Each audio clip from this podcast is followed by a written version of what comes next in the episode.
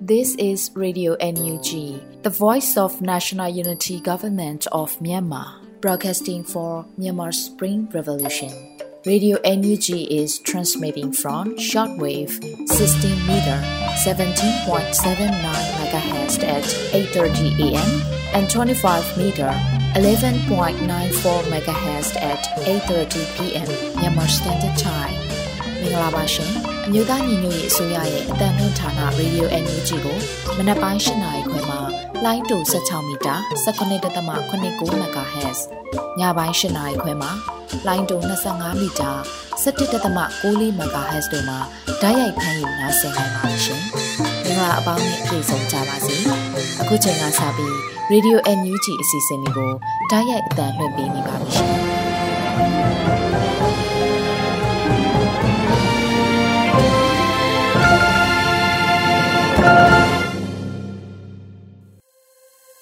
မြန်မာနိုင်ငံသူနိုင်ငံသားအပေါင်းတဘာဝပေးဆရာနာရှင်ပြီးတို့ကနေကင်းဝေးပြီးကိုစိတ်နှပါဘေးကင်းလုံခြုံကြပါစေလို့ရေဒီယိုအန်ယူဂျီခွဲသားများကဆုတောင်းမြတ်တာပို့သလိုက်ရပါတယ်ရှင်။အခုချိန်ကစပြီးကာကွယ်ရေးဝန်ကြီးဌာနရဲ့စီရေးသတင်းချင်းချုပ်ကိုတော့ຫນွေဦးလင်ကမှဖတ်ကြားတင်ပြပေးပါတော့မယ်ရှင်။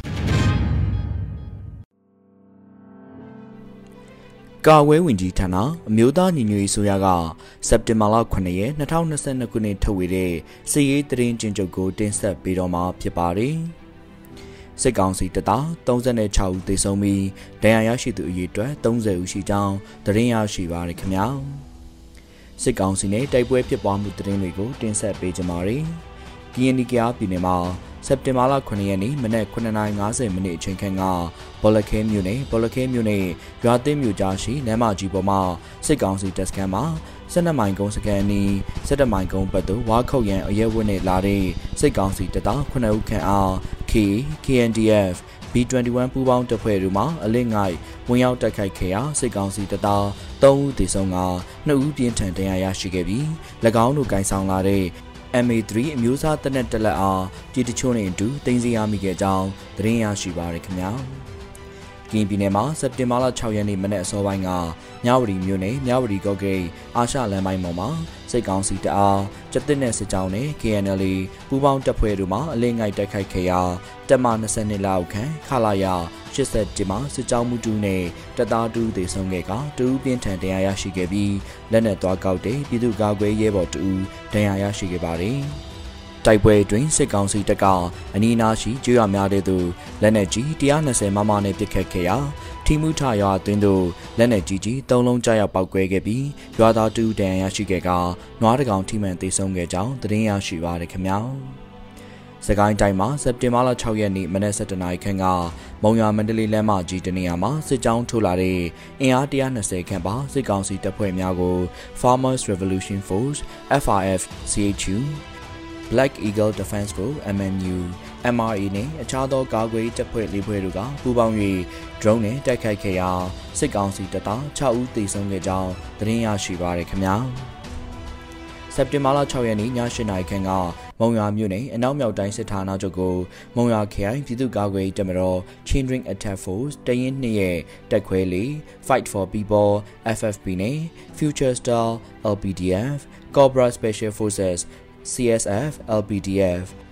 မုံရွာ Black Wines MBB မဟာမိတ်ဖွဲ့များကပူးပေါင်း၍လက်နက်ကြီး120မမကိုလုံး60မမစနလုံးပစ်ခတ်တိုက်ခိုက်ခဲ့ရာလျှက်စစ်နဲ့စက်မှုအင်ဂျင်နီယာတက်6ကိုလက်နက်ကြားရောက်ခဲ့ပြီးအထူးကိန်းများရှိခဲ့ကြောင်းသတင်းရရှိပါရခင်ဗျာ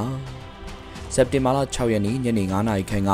ရရတော်မြို့နယ်ကမ်းဖြူရွာမကျောင်းမှာတက်ဆွဲထားတဲ့စစ်ကောင်စီတပ်သားများကို0ပျောက်ကြားတပ်ဖွဲ့မြင်းကြံတဲ့အတူ0 power တော်လိုင်းအင်အားစုစကိုင်းတိုင်း Danger Force နဲ့ Eagle Local PDF အဖွဲ့တို့ပူးပေါင်းတိုက်ခိုက်ခဲ့ပြီးတော်ကြီးကန်စစ်စေးရေးအဖြစ်ဝေဟင်မှာ drone နဲ့ဘုံဒီကျဲတိုက်ခိုက်ခဲ့ရာစစ်ကောင်စီတပ်သား2ဦးသေဆုံးခဲ့ပြီး10ဦးထိခိုက်ဒဏ်ရာရရှိခဲ့ကြောင်းသတင်းရရှိပါရခင်ဗျာစက်တင်ဘာလ6ရက်နေ့နေ့လယ်2နာရီခန့်ကဒဇယ်မြို့နယ်ချောင်းစုံတောင်ကြီးရွာရှိ ပြူစောထီနယ်စစ်ကောင်စီတပ်များအထိုင်ချလေးရှိတဲ့ ပြူကောင်းဆောင်စိန်ချိုနေကိုဒဇယ်မြို့နယ်ပြည်သူ့ကာကွယ်ဖွဲ့မှ drone ကိုအသုံးပြု၍မီးလောင်ပုံနှလုံးချတိုက်ခဲ့ရာနေနှလုံးမီးလောင်ပျက်စီးခဲ့ပြီးအထိုင်ချထားတဲ့ပြူစောထီများအထိအကိုက်ရှိခဲ့ကြောင်းသတင်းရရှိပါရခင်ဗျာ စက်တင်ဘာလ6ရက်နေ့ကပလဲမြို့နယ်ညောင်ကုန်းရွာနဲ့ကန်ကြီးရွာကြားမှာအင်မတီရွာကိုခြေလင်းစစ်ကြောင်းထိုးလာတဲ့အင်အား130ပါစစ်ကောင်စီတပ်ကိုနေစည်းမချပြောက်ကြားတပ်ဖွဲ့မှမိုင်း6လုံးနဲ့မိုင်းဆွဲတိုက်ခိုက်ခဲ့ရာစစ်ကောင်စီတပ်သား10ဦးထိခိုက်ဒဏ်ရာရရှိခဲ့ကြောင်းသတင်းရရှိပါရခင်ဗျာ။ စက်တင်ဘာလ6ရက်နေ့ည8:15မိနစ်အချိန်ခန့်ကမြင်းမှုမြို့နယ်အာထကတစ်ကျောင်းဝင်းတွင်ကျူးကျော်တပ်ဆွဲထားတဲ့အင်အား20ခန့်ပါစစ်ကောင်စီတပ်ဖွဲ့ဝင်များကိုအာဏာရှင်စနစ်တိုက်ဖြတ်ရေးပြည်သူတပ်ဖွဲ့ PAFD တပ်ခွဲ DKPDF MNU People Knife Defense ဘုမြင်းမှု PKDF MNU တောင်တာ TTA PDF DPPF MMU တို့ပူးပေါင်း၍40မမလက်နက်ကြီးနဲ့ပစ်ခတ်တိုက်ခိုက်ခြင်းမိုင်းဘလူးဖောက်ခွဲတိုက်ခိုက်ခြင်းနဲ့မြို့ရှောင်လန်းတို့မှာစစ်ကောင်စီတပ်ဖွဲ့များကိုအာယုံလွှဲတိုက်ခိုက်ခြင်းတို့ကိုဆောင်ရွက်ခဲ့ရာစစ်ကောင်စီတပ်သားများအထိအခိုက်ဒေဆုံးများနိုင်ကြောင်းသတင်းရရှိပါရခင်ဗျာ စက်တင်ဘာလ6ရက်နေ့မနက်9:00နာရီခန့်ကမြောင်မြို့နယ်ကြောက်ရရဲစကန်ကို MPDF အဖွဲ့ဒေသကာကွယ်အဖွဲ့တို့မှပစ်ခတ်တိုက်ခိုက်ခဲ့ရာစစ်ကောင်စီတပ်သားတူဦးတည်ဆုံခဲ့ကြောင်းသတင်းရရှိပါရခင်ဗျာစက်တင်ဘာလ6ရက်နေ့နေ့လယ်3နာရီခန့်ကညောင်မြို့နယ်ကြောက်တန်းရွာနီး ARD မြစ်ကြောင်းတိုင်းလက်ပတ်နေတဲ့စစ်ကောင်စီရင်ကို Wolf Brother MGN Tiger အဖွဲ့ ပြည်သူ့ကာကွယ်ရေးတပ်မတော်ရင်းကြံခရိုင်တရင်နှင့်နဲ့ဒေသခံကာကွယ်မဟာမိတ်များပူးပေါင်း၍လက်နက်ကြီးများနဲ့ပစ်ခတ်တိုက်ခိုက်ခဲ့ရာစစ်ကောင်စီရင်ရင်နှစ်စီးနှင်းမြုပ်ခဲ့ပြီးစစ်ကောင်စီတပ်သား20ခန့်တေဆုံးနိုင်ကြောင်းသတင်းရရှိပါရခင်ဗျာစက်တင်ဘာလ6ရက်နေ့မနက်9:30မိနစ်ချိန်ခန့်ကမြောင်မြို့နယ်ကြောက်ရည်ကျွော်မှာတနက်ကုန်းကျွော်သို့စစ်ကြောင်းထူလာတဲ့စစ်ကောင်စီတပ်သား40ခန့်ကို CDSOM အဖွဲ့ရဲ့ဂျိုကာဂျီဇန် Young Fighters People Defense ဖို့အဖွဲ့နဲ့နှလုံးလှလူမိုက်ကြီးအဖွဲ့စတဲ့ညီနောင်မဟာမိတ်အဖွဲ့များမှပရိသာမိုင်းနဲ့ဖောက်ခွဲတိုက်ခိုက်ခဲ့ရာစစ်ကောင်စီတပ်သား6ဦးထိမှန်ခဲ့ကြောင်းသတင်းရရှိပါရခင်ဗျာ မကွေးတိုင်းမှာစက်တင်ဘာလ6ရက်နေ့ည9:00နာရီခန့်ကရေစကြိုမြို့နယ်ရေလေကျွန်းဒေသအတွင်းရှိဇီတော်ကျေးရွာမှာယာယီတက်စကန်ချနေတဲ့စစ်ကောင်စီနဲ့ပြူစောတီပူပေါင်းစကန်အားဒေသအတွင်းရှိဒေသကာကွယ်ပူပေါင်းဖွဲ့များကစီးနှင်းတိုက်ခိုက်ခဲ့ရာစစ်ကောင်စီတပ်သားများတေဆုံးသူဒဏ်ရာရရှိသူများစွာရှိနိုင်ကြောင်းသတင်းရရှိပါရခင်ဗျာပဲခူးတိုင်းမှာစက်တင်ဘာလ6ရက်နေ့ည8:00နာရီခန့်ကတာယာဝတီခရိုင်ကျိုးပေကောင်းမြို့ ကက်တစ်လမ်းမှာရှိတဲ့မြို့မရဲစကန်မှာလုံခြုံရေးယူနေတဲ့ရဲကင်းဖွဲ့ကို Dragon Brothers PDF GBK အဖွဲ့ကတိုက်ခိုက်ခဲ့ကြောင်းသတင်းရရှိပါရခင်ဗျာတနင်္လာရီတိုင်းမှာစက်တင်ဘာလ9ရက်နေ့မနက်9:30မိနစ်အချိန်ခန့်က ကျွန်းစုမြို့နယ်ပဲ့တိုင်ရွာမှာပြူစောတိအဖွဲ့နဲ့ပြည်သူ့ကာကွယ်ပူးပေါင်းတပ်တို့တိုက်ပွဲဖြစ်ပွားခဲ့ရာပြစ်ခတ်မှုအတွင်းပြူစောတိကောင်းဆောင်နဲ့ဒူကောင်းဆောင်တို့တိုက်ဆုံခဲ့ပြီး၃ဦးထိခိုက်ဒဏ်ရာရရှိခဲ့ကပြည်သူ့ကာကွယ်တပ်သားတူဒဏ်ရာနှဲငယ်ရရှိခဲ့ကြောင်းသတင်းရရှိပါရခင်ဗျာဆက်လက်ပြီးစစ်ကောင်စီကကျူးလွန်တဲ့ရာဇဝတ်မှုတွေကိုတင်းဆက်ပေးကြပါမယ်။ စကိုင်းတိုင်းမှာစက်တင်ဘာလ9ရက်နေ့ကကမ်ဘလူးမြို့နယ်ချက်ကုန်းကျွာနဲ့နှော်ကုန်းကျွာအနောက်ဘက်သို့ကျွန်းလာမြို့နယ်နောင်ဦးကျွာမှာစစ်ကောင်စီတပ်သားများကို MI-17 နှစ်စီးနဲ့တည်ယူချထားခဲ့ပြီး MI-35 တစ်စီးနဲ့ပြစ်ခတ်ခဲ့ကြောင်းသတင်းရရှိပါရခင်ဗျာ။စက်တင်ဘာလ9ရက်နေ့နေ့လယ်10:45မိနစ်အချိန်ခန့်ကကမ်ဘလူးမြို့နယ်စီကနာအုပ်စုကျေးရွာနီးသို့တရားဦးမှဂျက်လီရင်နဲ့လာရောက်ပစ်ခတ်ခဲ့တဲ့အတွက်ကြောင့် ပြည်သူများနေစွန့်ခွာထွက်ပြေးခဲ့ရကြောင်းသတင်းရရှိပါရခင်ဗျာမကွေးတိုင်းမှာစက်တင်ဘာလ9ရက်နေ့ကမင်းတုံမြို့နယ်မှိုက်ရွာမှာရက်ကြီးဥက္ကဋ္ဌအိမ်မှာနွားလေးကောင်ပါဝင်ဒေသခံပြည်သူ30ခန့်ကိုစစ်ကောင်စီစစ်ကြောင်းကအကြမ်းဖက်ဖမ်းဆီးခဲ့ကြောင်းသတင်းရရှိပါရခင်ဗျာ။ရန်ကုန်တိုင်းမှာစက်တင်ဘာလ6ရက်နေ့ကတာမွေမြို့နယ်ကြားကွက်တရက်ကွယ်မကလန်တို့စစ်ကောင်စီဖွဲ့ဝင်များကအင်အားအများပြားနဲ့အဲစင်းစစ်ဝင်ရောက်ခဲ့ရမှာ ပြည်သူ90ကျော်ကိုဖမ်းဆီးခဲ့ကြောင်းသတင်းရရှိပါရခင်ဗျာယခုတင်ဆက်သွားတဲ့သတင်းတွေကိုမြေပြင်သတင်းတာဝန်ခံများနဲ့သတင်းဌာနတွေမှာဖော်ပြလာတဲ့အချက်လက်တွေပေါ်အခြေခံပြုစုထားခြင်းဖြစ်ပါတယ်ကျွန်တော်ကတော့ຫນွေဦးလင်ပါ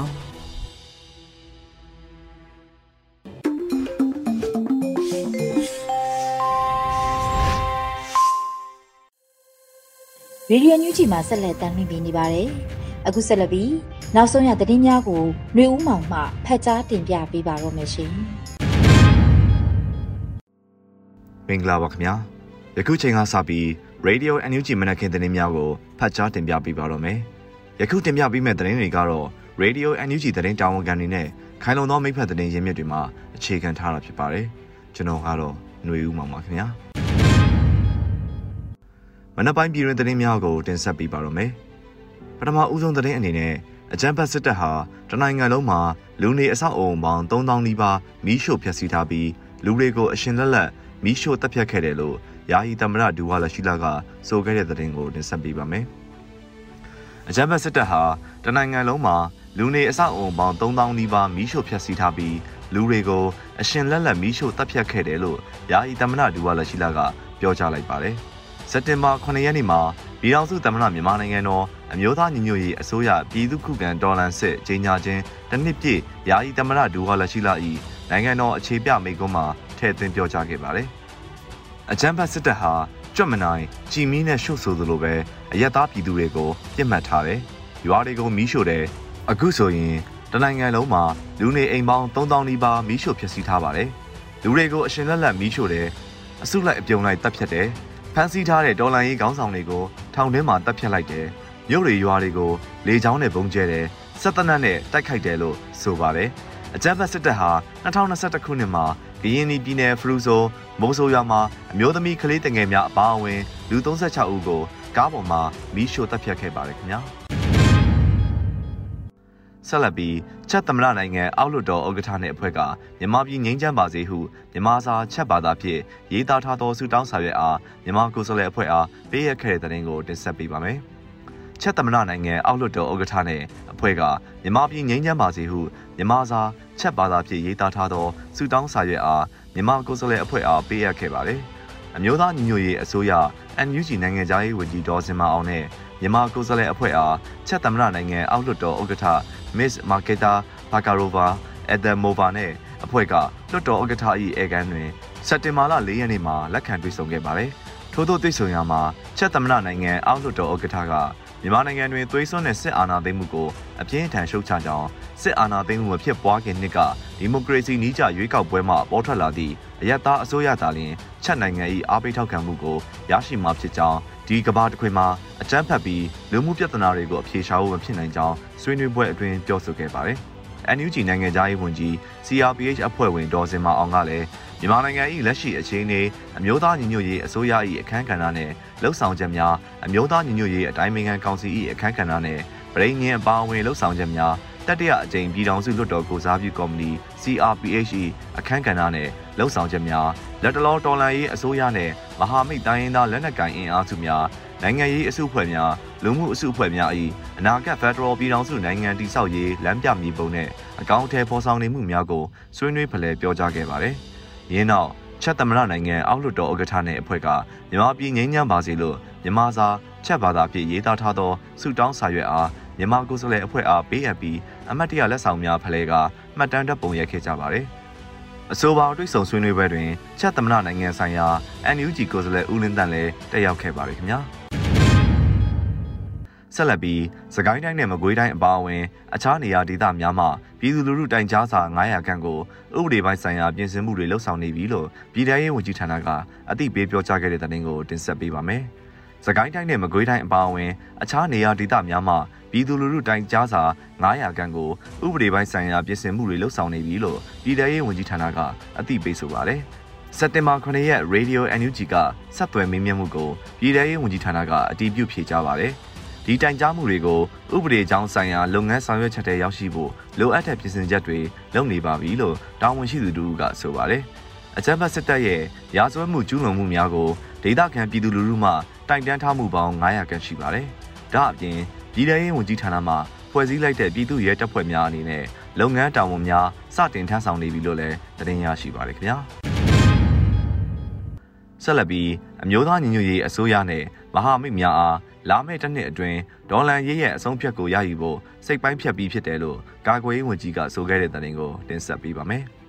အမျိုးသားညီညွတ်ရေးအစိုးရနဲ့မဟာမိတ်များအားလုံးလာမယ့်တစ်နှစ်အတွင်းဒေါ်လန်ရေးရဲ့အဆုံးဖြတ်ကိုရယူဖို့စိတ်ပိုင်းဖြတ်ပြီးဖြစ်တယ်လို့ကာကွယ်ရေးဝန်ကြီးဦးရီမွန်ကပြောပါတယ်။စက်တင်ဘာ9ရက်နေ့ပြည်သူ့ခုခံဒေါ်လန်စစ်တစ်နှစ်ပြည့်ရေဒီယိုမိတ်ကွန်းမှာပြောကြားခဲ့ပါတယ်။ပြီးခဲ့တဲ့ပြည်သူ့ခုခံဒေါ်လန်စစ်တစ်နှစ်ကာလကိုသုံးသပ်ရင်ဒေါ်လာရေးအောင်ဖို့လိုအပ်တဲ့ရေခံမြေခံအားလုံးကိုငါတို့တိစောက်နိုင်ခဲ့ပြီဖြစ်တယ်။ရှေ့လာမယ့်နှစ်ကတော့ဒေါ်လာရေးအတွက်အထူးရေးကြည့်လိုက်မယ်။ရန်သူကိုအချိန်ပေးလို့မရတော့ဘူးဆိုတာသိကြတယ်။ ဒီအတွက်အမျိုးသားညီညွတ်ရေးအစိုးရနဲ့မဟာမိတ်များအားလုံးလာမယ့်တစ်နှစ်အတွင်းဒေါ်လာရေးရဲ့အဆုံးဖြတ်ကိုရယူဖို့စိတ်ပိုင်းဖြတ်ပြီးဖြစ်တယ်ဆိုတာလည်းအသိပေးလိုက်တယ်လို့ဆိုပါတယ်။2021ခုနှစ်စက်တင်ဘာ9ရက်နေ့မှာပြည်သူ့ခုခံတော်လှန်စစ်ကိုအမျိုးသားညီညွတ်ရေးအစိုးရကကြေညာခဲ့ပါတယ်။လက်ရှိမှာနယ်မြေစိုးမိုးမှုမြန်မာနိုင်ငံ၏18ရာခိုင်နှုန်းခန့်ကိုသာစက်ကောင်စီကထိန်းချုပ်ထားနိုင်စွမ်းရှိတော်တယ်လို့သတင်းရရှိပါရခင်ဗျာ။ဆက်လက်ပြီးစစ်အာဏာရှင်ရဲ့ရက်စက်မှုကြောင့် ရိုက်ချိုးဖျက်ဆီးခံရဆဲဖြစ်တဲ့မြန်မာပြည်သူတွေရဲ့ဘဝတွေကိုလက်လျူရှုထားလို့မရတော့ဘူးလို့လူခွင့်ရေးရဝန်ကြီးကဆိုခဲ့တဲ့သတင်းကိုတင်ဆက်ပေးပါမယ်။စစ်အာဏာရှင်ရဲ့ရက်စက်မှုကြောင့်ရိုက်ချိုးဖျက်ဆီးခံရဆဲဖြစ်တဲ့မြန်မာပြည်သူတွေရဲ့ဘဝတွေကိုလက်လျူရှုထားလို့မရတော့ဘူးလို့လူခွင့်ရေးရဝန်ကြီးဦးအောင်မျိုးမင်းကပြောပါတယ်။စက်တင်ဘာ9ရက်နေ့မှာလူခွင့်ရေးရဝန်ကြီးဦးအောင်မျိုးမင်းကလူမှုကွန်ရက်မှာရေးသားပြောပါတယ်။ဂျီနီဗာကုလရုံးရှိကခြေတချောင်းကျိုးထိုင်ကုန်ကြီးကမြေမြုပ်မိုင်းကြောင့် ထိခိုက်သူတွေအထိတ်အမှတ်စိုက်ထူထားတာဖြစ်ပါတယ်။25နှစ်ပြည့်ပြပွဲတွေကျင်းပနေပါတယ်။မြေမြုပ်မိုင်းကြောင့်ဘဝတွေကြိုးချေပျက်စီးသွားကြသလိုစစ်အာဏာရှင်ရဲ့ရက်စက်မှုကြောင့်ရိုက်ချိုးဖျက်ဆီးခံရဆဲဖြစ်တဲ့မြန်မာပြည်သူတွေရဲ့ဘဝတွေကိုလက်လျူရှုထားလို့မရနိုင်ပါဘူး။တောင်ပေါ်နေနဲ့အတူဆက်လက်ကြိုးပမ်းနေစေပါလို့ဝန်ကြီးကဆိုပါတယ်။အကြမ်းဖက်စစ်အုပ်စုဟာစကိုင်းမကွေးချင်းပြည်နယ်နဲ့ကရင်ပြည်ဒေသတို့မှာလူသားမျိုးနွယ်အပေါ်ကျူးလွန်တဲ့ရာဇဝတ်မှုများကိုအများအပြားကျူးလွန်ထားပါတယ်။လက်ရှိမှာ အကြမ်းဖက်စစ်အုပ်စုဟာလူပေါင်း2000ကျော်ကိုတပ်ဖြတ်ထားပြီးလူပေါင်း1000ကျော်ကိုဖမ်းဆီးချုပ်နှောင်ထားပါတယ်ခင်ဗျာ။ဆက်လက်ပြီးမင်းအွန်လိုင်းနဲ့တကွအကြမ်းဖက်စစ်တပ်ဟာပြည်သူရှေ့ဒူးထောက်အရှုံးပေးဖို့သာကြံတော့တယ်လို့ကိုနေဖုံးလက်ကဆိုခဲ့တဲ့သတင်းကိုတင်ဆက်ပေးပါမယ်။စက်တင်ဘာ9ရက်နေ့တွင်မင်းအွန်လိုင်းနဲ့တကွအကြမ်းဖက်စစ်တပ်ဟာပြည်သူရှေ့ဒူးထောက်အရှုံးပေးဖို့သာကြံတော့တယ်လို့အမျိုးသားညီညွတ်ရေးအစိုးရရဲ့ Press Secretary ကိုနေဖုံးလက်ကဆိုပါတယ်။ စက်တင်ဘာ9ရက်နေ့မှာအမျိုးသားညီညွတ်ရေးအစိုးရရဲ့ Press Secretary ကိုနေဖုံးလက်ကလူမှုကွန်ရက်မှာတုံးသက်ရေးသားပြောဆိုပါတယ်။အကြမ်းဖက်စစ်ကောင်စီရဲ့တပ်တွေဟာပြည်သူ့ကာကွယ်ရေးတပ်ဖွဲ့တွေနဲ့တိုင်းရင်းသားဒေါ်လာရေးတပ်ဖွဲ့တွေရဲ့တိုက်ခိုက်မှုကိုအမြဲတမ်းခံနေရပြီးအုပ်ချုပ်ရေးရန်ရာတွေပြိုလဲနေတဲ့မြို့နယ်က130မြို့နယ်ရှိပြီးရာခိုင်နှုန်းအဖြစ်33ရာခိုင်နှုန်းရှိနေတယ်။မြေ area အကျယ်ဝန်းအနေနဲ့ဆိုရင်မြန်မာတိုင်းနိုင်ငံလုံးရဲ့23ရာခိုင်နှုန်းမှာ အကြမ်းဖက်စစ်ကောင်စီအမြဲတမ်းတိုက်ခိုက်ခံနေရပြီးစစ်ကောင်စီရဲ့အုပ်ချုပ်ရေးရန်ရာတွေပြိုလဲနေပြီလို့အချက်လက်တွေကပြနေပါတယ်။ဒေကြတာကတော့မြန်မာပြည်သူတွေကတော့အကြမ်းဖက်စစ်တပ်ကိုအမြင့်မဖြတ်နိုင်သေးသေး၍ရက်တက်မှာမဟုတ်တော့ပါဘူး။မင်းအွန်လိုင်းနဲ့တကွအကြမ်းဖက်စစ်တပ်ဘက်ကနေရက်ပြီးပြည်သူကိုတစ္ဆာဖောက်နေကြတဲ့လောက်ကောင်တွေအားလုံးအတွက်ဂျန်နာကအခြေအနေနည်းရပဲရှိပါတယ်။တခုကတော့အဆက်သိတ်ခါမဲစွာနဲ့ကြောင်ရွံ့ထိတ်လန့်စွာနဲ့ရှုံးမန်းတွေကိုဆက်ဆောက်မလားဆိုတာနဲ့ အချိန်ကြံနှုံးလေးပြည်သူရှေ့ဒူးထောက်အရှုံးပေးပြီးကြံသေးတဲ့တိတ်ခါတိတ်လေးကိုအဖက်ဆယ်မလားဆိုတာပါပဲလို့ဆိုထားပါတယ်။မြန်မာနိုင်ငံဆိုင်ရာအထူးအကြံပေးကောင်စီ Special Advisory Council for Myanmar SACM မြန်မာနိုင်ငံရဲ့ထိရောက်သောထိန်းချုပ်နိုင်မှု Effective Control in Myanmar အမည်နဲ့ရှင်းလင်းချက်စာနယ်တစ်ခုကိုစက်တင်ဘာလ9ရက်နေ့ကထုတ်ပြန်ချက်အရတနိုင်ငံလုံးရဲ့18ရာခိုင်နှုန်းကိုပဲစက်ကောင်စီကတည်ငြိမ်အောင်ထိန်းချုပ်ထားနိုင်ကြရတယ်လို့ဖော်ပြထားပါတယ်ခင်ဗျာ ဆက်လက်ပြီးဝေဟင်ပြန်ဝဲဒေါ်လာမဲ့ပွဲကောင်းစဉ်နဲ့စကားဝိုင်းမှာတရုတ်ဆောင်မင်းမော်ကုန်းနဲ့မြားနေညီလွင်တို့ပါဝင်ဆွေးနွေးမဲ့အကြောင်းကိုတင်ဆက်ပေးပါမယ်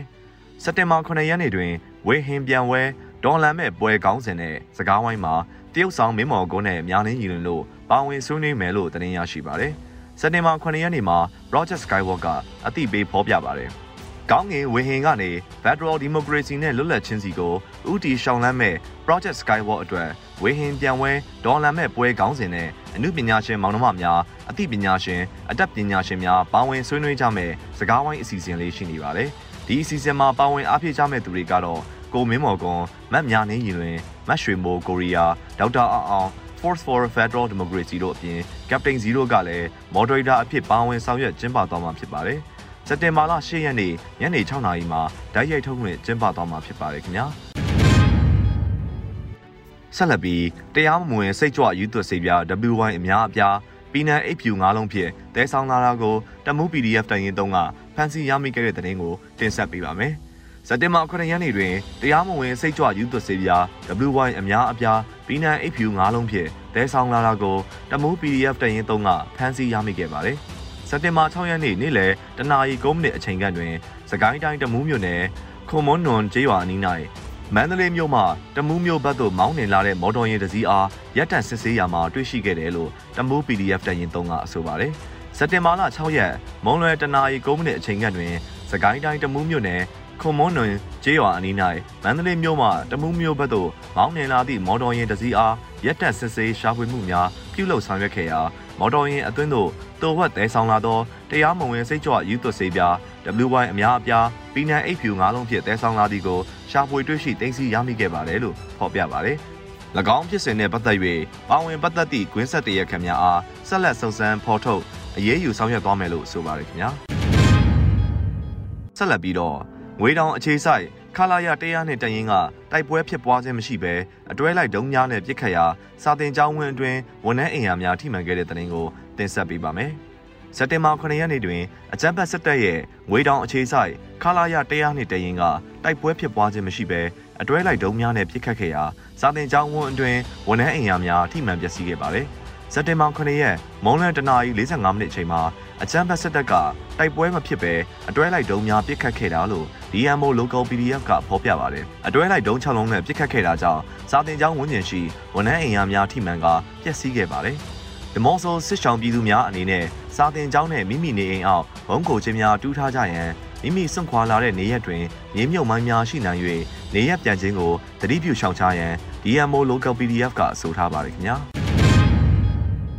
ဆက်လက်ပြီးချင်းနှင်းမြစ်ကြောင်းအတိုင်းဆုံလာသောစစ်ရေးရင်နဲ့စစ်ကောင်စီမော်တော်ယာဉ်ရင်အားတစ်ဖက်ပွင့်မိုင်းများနဲ့ကာကွယ်ရေးတပ်များပစ်ခတ်တိုက်ခိုက်ခဲ့တဲ့တဲ့တင်ကိုတင်ဆက်ပေးပါမယ်။ချင်းတွင်းမြစ်ကြောင်းအတိုင်းဆုံလာသောစစ်ရေးရင်နဲ့စစ်ကောင်စီမော်တော်ယာဉ်ရင်အားတစ်ဖက်ပွင့်မိုင်းများနဲ့ကာကွယ်ရေးတပ်များပစ်ခတ်တိုက်ခိုက်ခဲ့ပါတယ်။စက်တင်ဘာ9ရက်ချင်းတွင်းမြစ်ကြောင်းအတိုင်းဆုံလာသောစစ်ရေးရင်နဲ့စိန်နာရီကအချိန်တွင်ဆုံလာသောစစ်ကောင်စီမော်တော်ယာဉ်ရင်အားတစ်ဖက်ပွင့်မိုင်းများနဲ့ကာကွယ်ရေးတပ်များပစ်ခတ်တိုက်ခိုက်ခဲ့တယ်လို့ မုံရွာ Paragraph PDF ကဆိုပါတယ်။စက်တင်ဘာလ9ရက်နေ့မနက်9:00နာရီကအချိန်တွင်ချင်းတွင်းမြစ်ကြောင်းအတိုင်းဆုံလာသောစစ်သင်္ဘောနဲ့10နာရီကအချိန်တွင်ဆုံလာသောစစ်ကောင်စီမော်တော်ယာဉ်အားတစ်ဖက်ပွင့်မိုင်းများဖြင့်ပူးပေါင်းတိုက်ခိုက်ခဲ့တယ်လို့ဆိုပါတယ်။စစ်စင်ရေးကိုမုံရွာ Paragraph PDF, Germany People Defense Force ZPDF, နေုံပြည်သူ့ကာကွယ်ရေးတပ်ဖွဲ့ကျေးရွာပခဖတို့ပူးပေါင်းခဲ့ပါတယ်။တိုက်ပွဲဝင်ညီကိုများအထိကိမရှိပြန်လည်ဆုတ်ခွာနိုင်ခဲ့ပါတယ်။ စစ်ကောင်စီဘက်မှအကြအဆုံးရှိမရှိကိုဆက်လက်စုံစမ်းတင်ပြသွားမယ်လို့ဆိုပါတယ်ခင်ဗျာ။ယခုတင်ပြပေးခဲ့တဲ့သတင်းတွေကိုတော့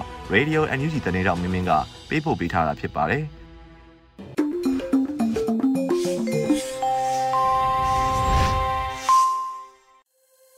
ရေဒီယိုအန်ယူဂျီပရိသတ်တွေအတွက်ကူးဆက်လက်ပြီးထုတ်လွှင့်ပေးမယ့်စီစဉ်ကတော့ PPTV ရဲ့နေ့စဉ်သတင်းများဖြစ်ပါတယ်။ထက်ထက်အင်ဒရာအောင်မှဖတ်ကြားတင်ပြပေးပါတော့မယ်ရှင်။ အခုချိန်ကစပြီး PPTV သတင်းတွေကိုတင်ဆက်ပြီးတော့မှာပါ။ကျွန်မထက်ထက်အင်ဒရာအောင်ပါ။ပထမဆုံးတင်ဆက်ပေးမယ့်သတင်းကတော့ Federal ကျန်းမာရေးစနစ်ဖော်ဆောင်ရေးအတွက်အမျိုးသားကျန်းမာရေးနှီးနှောဖလှယ်ပွဲပြုလုပ်တဲ့ဆိုတဲ့သတင်းမှာဖရယ်ကျမ်းမာရေးစနစ်ဖော်ဆောင်ရေးအတွက်အမျိုးသားကျမ်းမာရေးနှီးနှောဖလှယ်ပွဲကိုအမျိုးသားကျမ်းမာရေးကောင်စီဖွဲ့စည်းတည်ထောင်တာတစ်နှစ်ပြည့်အဖြစ်နဲ့စက်တင်ဘာလ9ရက်နေ့ကနေ9ရက်နေ့ထိအွန်လိုင်းကနေပြုလုပ်နေပါတယ်။ နှီးနှောဖလှယ်ပွဲကိုကျမ်းမာရေးဆိုင်ရာကဏ္ဍ9ရက်ဖြစ်တဲ့ကျမ်းမာရေးဆိုင်ရာမူဝါဒများကျန်းမာရေးလူစွမ်းအားအရင်မြင့်လူတိုင်းလက်လက်မီရရှိနိုင်သောကျန်းမာရေးလွှမ်းခြုံမှုကျန်းမာရေးစနစ်မှာလက်ရှိကြုံတွေ့နေရတဲ့စိန်ခေါ်မှုများလုပ်ငန်းဝင်ဆိုင်ရာကျန်းမာရေးနဲ့ဘေးရန်ရဲ့ကင်းရှင်းမှုတို့နဲ့ကျင်းပဆောင်ရွက်သွားမှာဖြစ်ပြီးစာရန်စုစုပေါင်း22ဆောင်အားတင်သွင်းဖယ်ကြားသွားမှာဖြစ်ပါတယ်။ အခုတင်ဆက်ပေးမှာကတော့တိုင်းသားတော်လှန်ရေးအဖွဲ့တွေတော်လှန်ရေးမှာထဲထဲဝင်ဝင်ရှေ့ဆောင်ပါဝင်နေတာကရန်သူကိုချေမောအနိုင်ယူမဲ့ပြည်သူတော်လှန်ရေးတပ်ပေါင်းစုကြီးပေါ်ပေါက်လာခဲ့ရတယ်လို့ကာဝေးဝင်ကြီးဦးရီမော်ပြောကြားလိုက်တဲ့သတင်းမှာအစင်အလာကြီးတဲ့တိုင်းသားတော်လှန်ရေးအဖွဲ့တွေဟာဒီတော်လှန်ရေးမှာထဲထဲဝင်ရှေ့ဆောင်ပါဝင်နေတာဖြစ်လို့ရန်သူကိုချေမောအနိုင်ယူမဲ့ပြည်သူတော်လှန်ရေးတပ်ပေါင်းစုကြီးပေါ်ပေါက်လာခဲ့ပြီလို့ဆိုရပါမယ်အထူးသဖြင့်ငါတို့အားလုံးဥညွတ်အလေးပြုရမှာကငါတို့ပြည်သူတွေရဲ့ဂုံရောက်ပြောင်းတဲ့တော်လှန်ရေးစိတ်ဓာတ်ပဲဖြစ်တယ်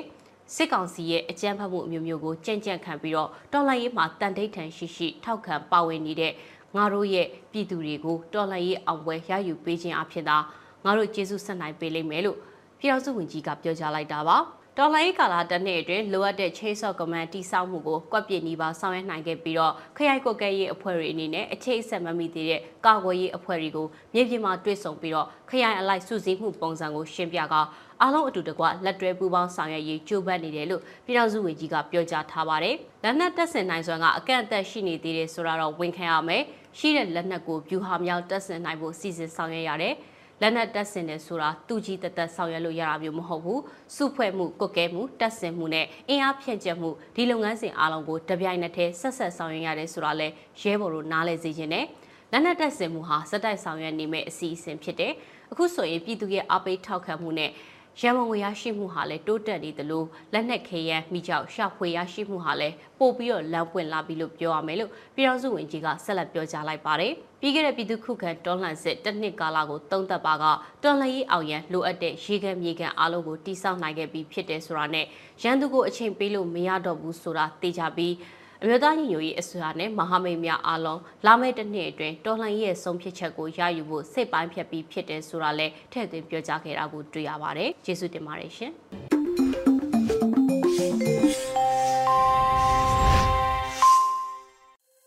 ရေဒီယိုညူချီရဲ့မနက်ခင်းစီစဉ်တွေကိုဆက်လက်တင်ပြနေပါတယ်။ဒီနေ့ရဲ့တော်လှန်ရေးတိဂီတာစီစဉ်မှာတော့ တေးရီတေးဆူဒီຫນွေဦးရဲ့မဆိုင်တလူနေတဲ့မင်းတို့အတွက်တချင်းလို့အမည်ရတဲ့တော်လှန်ရေးတေးဂီတာကိုနားဆင်ကြရတော့မှာဖြစ်ပါရဲ့ရှင်။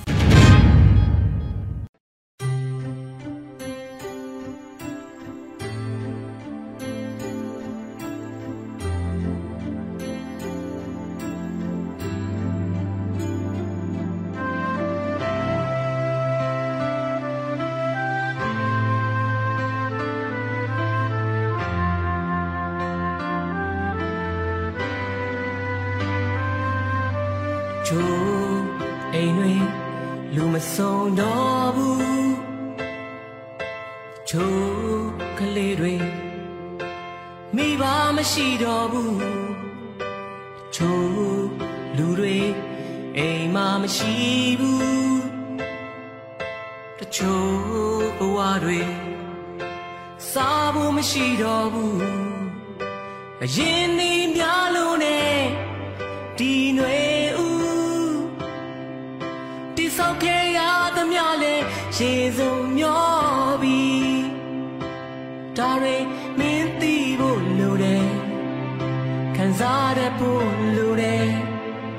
မဆိုင်လို့နေတဲ့မင်းတို့ကြောင့်ငါပုံနာချင်ရတယ်ပြောရတာလူပဲနားလေတယ်ဒီတိုင်းဒီနာရီဖြစ်နေတယ်စာနာမှုထားပေးဆက်သူများအတွေ့ကိုချင်း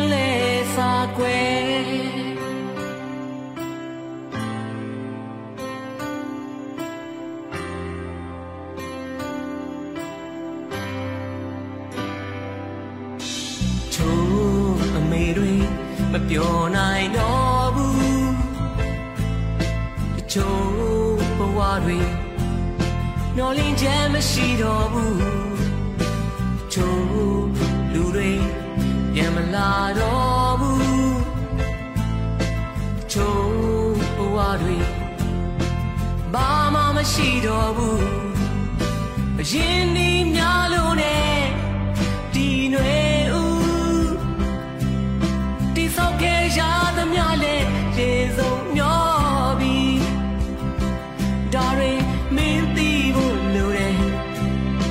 ခံစားတဲ့ဖို့လိုတယ်ဆိုင်တယ်လို့နေတဲ့မင်းတို့ကြောင့်ငါပူနာကျင်ရတယ်ပြောရတာလူပဲနားလေတယ်ဒီတိုင်းဒီနာရီဖြစ်နေတယ်စာနာမှုထားပေးဆက်သူများအတွေ့